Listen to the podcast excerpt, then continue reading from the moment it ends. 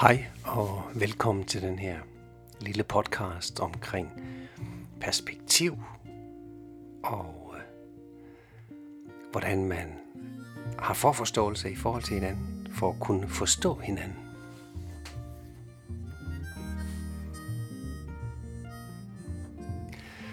Hvis vi kigger i ordbogen om, hvad perspektiv er, så er det en bestemt måde at anskue eller opfatte noget på – for eksempel nogle bestemte erfaringer eller holdninger, man har. Man kunne sige en form for synsvinkel.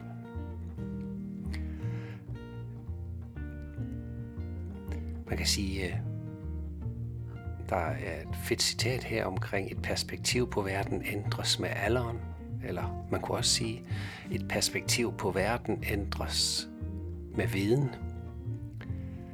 Så vi kan sige, at, et, at, at tage et perspektiv er at se en større sammenhæng, hvor enkelte elementer kan betragtes i forhold til hinanden.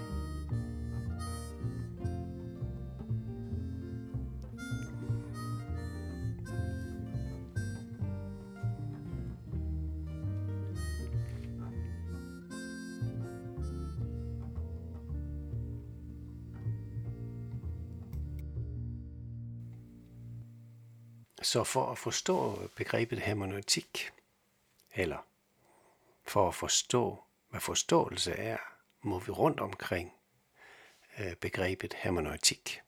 Og hermeneutikken handler om, hvad det indebærer at forstå noget, og det handler om, hvordan vi kommer frem til en forståelse eller en mening. Så øh, en af, af de vigtige personer i i hermeneutikken er øh, Gadamer. Øh, og øh, han skrev, Gadamer, han påpegede, at forståelse ikke bare er en disciplin, som mennesker behersker, men forståelse er det, der udmærker og kendetegner mennesker. Forståelse er altså ikke bare en måde at forholde sig på, det er selve det at være et menneske. Og Oprindeligt kom hermeneutik fra det græske ord øh, hermenoin, der betyder fortolke, forklare og oversætte. Så vi kan sige, at øh, det, der foregår i forståelse, er, at man forstår dele ud af en helhed, og helheden ud af delen. Og det er det, der senere blev kendt som den hermeneutiske cirkel. Altså, vi ser noget og lægger mere til, kunne man sige. Øh, og det er det, der sker, når vi når vi øh, for eksempel omtaler en lærer eller en, en sygeplejerske, jamen så, så har vi set noget af det, han eller hun gør, men vi lægger mere til. Og det er, det er en menneskelig evne, vi har. Det vil sige, at her kommer forforståelse ind i billedet. Altså vi er altid kastet ind i en eller anden situation, og ud fra det kaster vi så nye indtryk, eller vi lægger nye indtryk på det, vi i forvejen har set, og det vi har forsøgt at begribe. Så forståelse er altid betinget af noget andet, og det er det her noget her, der er vigtigt at holde fast i, hvis vi hele tiden vil forsøge at overvinde, at de her forforståelser ikke bliver til fordomme. Fordi i det øjeblik, man gør en dom over noget, man prøver at forstå, jamen så kan man sige, at det er en fordom. Altså for eksempel, at de rødhårede er sådan og sådan, eller at øh, jurister er sådan og sådan, eller at lærere er sådan og sådan, eller pædagoger er, øh, har en bestemt karakter.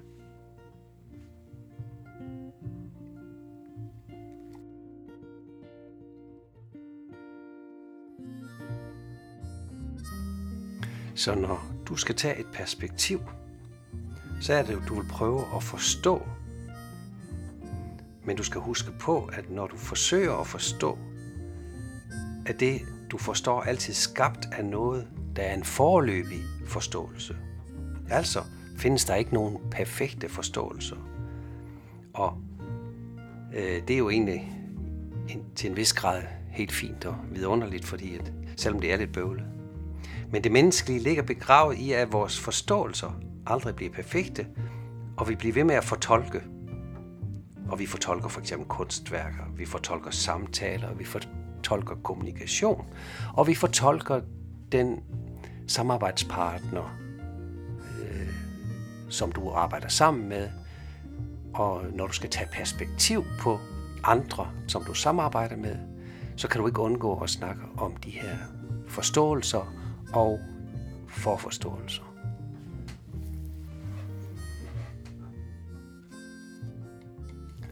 Så når du prøver at forstå, hvordan det andet menneske, du står overfor, forstår livet, så øh, prøver du at tage det perspektiv. Og det vi er født med, øh, som Gardemar ligesom påpegede, at vi er født med en, som mennesker i at kunne gøre det.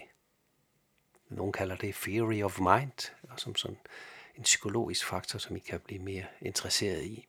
Og nogen mener, at, at det er den her theory of mind, altså det at kunne tage stilling til, hvordan et andet menneske er og føler og har det, øh, at det er noget grundlæggende, og øh, i forhold til bestemte øh, brugergrupper, for eksempel autister, så, så, så er, er, det en, øh, er det en udfordring for dem præcis at kunne gøre det der. Men det er det jo også for vi andre. Hvordan vil du øh, kunne tage perspektiv på en forbryder, eller en narkoman, eller et voldsoffer, eller en, der har været udsat for, for voldtægt osv., jamen, vi kan ikke helt øh, forklare det, fordi at verden må fortolkes, siger Martin Heidegger, som er en af de store inden for hermeneutikken også. Så vi kan sige, at den måde, vi forstår på, eller tænker på, eller erkender på, sikres ved, at vi træder ud af noget for at kunne beskrive det på en neutral og objektiv måde. Og det er det, der I gør, når I, øh, og I, I agter eller laver observationer. Men vi er altid deltagende i de her sammenhænge. Og derfor rummer det en vis betydning for os. Om, og derfor bliver vores beskrivelse af øh, forståelser også præget af, hvad vi kan man sige, har i rygsækken, eller hvad er vores tavse viden, hvad er vores habitus. Så verden er, er ikke mængden af ting omkring os, men vores forståelse af dem. Og den forståelse er ikke på en neutralt grundlag, men er altid bundet sammen af de sammenhænge og den kontekst, som allerede har betydning for os i forvejen. Så øh, når I samarbejder med nogle bestemte øh, mennesker, så vil der være nogle sammenhæng, som I får øje på, øh, som er med til at sikre, eller man kan sige, er med til at motivere jer til at gå i samarbejde, snakke med vedkommende.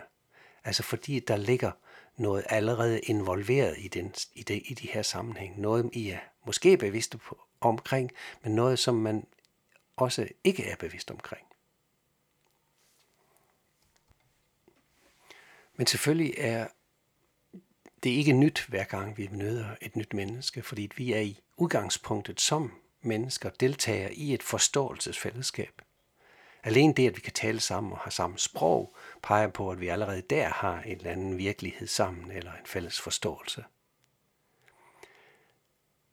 Men det gør også, at vi møder nogen med de her øh, måske fordomme, øh, bestemt af en bestemt måde at se på, og for, som får os til at afsige nogle domme ved, at for eksempel vi har hørt det mange gange nok. Øh, den forrige regering havde travlt med at fortælle os, at det skal kunne betale sig at arbejde. Altså vil den forforståelse være noget, som vi kommer til at sætte nye forståelser i spil øh, på den måde, og på den måde lærer vi noget nyt. Så vi kan sige, at når vi skal lære noget nyt, så kan vi kun gøre det, fordi vi har en viden i forvejen. I forvejen.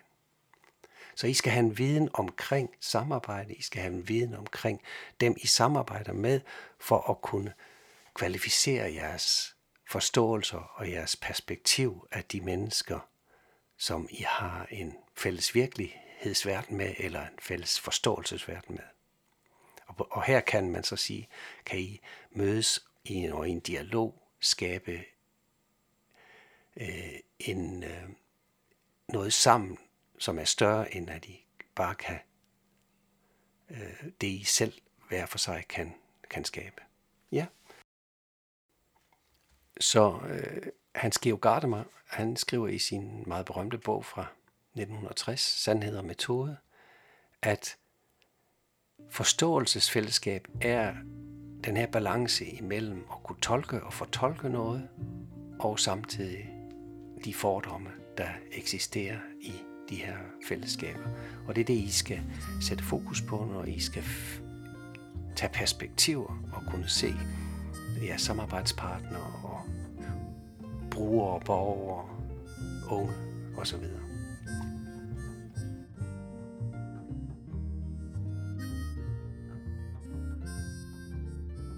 Det var øh, den lille podcast her omkring forforståelser. Og øh, jeg vil slutte af med et, et hvad hedder det nu, et lille øh, citat her at fra en bog omkring videnskabsteori, hvor man siger, at jamen, det er tradition at gøre, at vi har fordomme.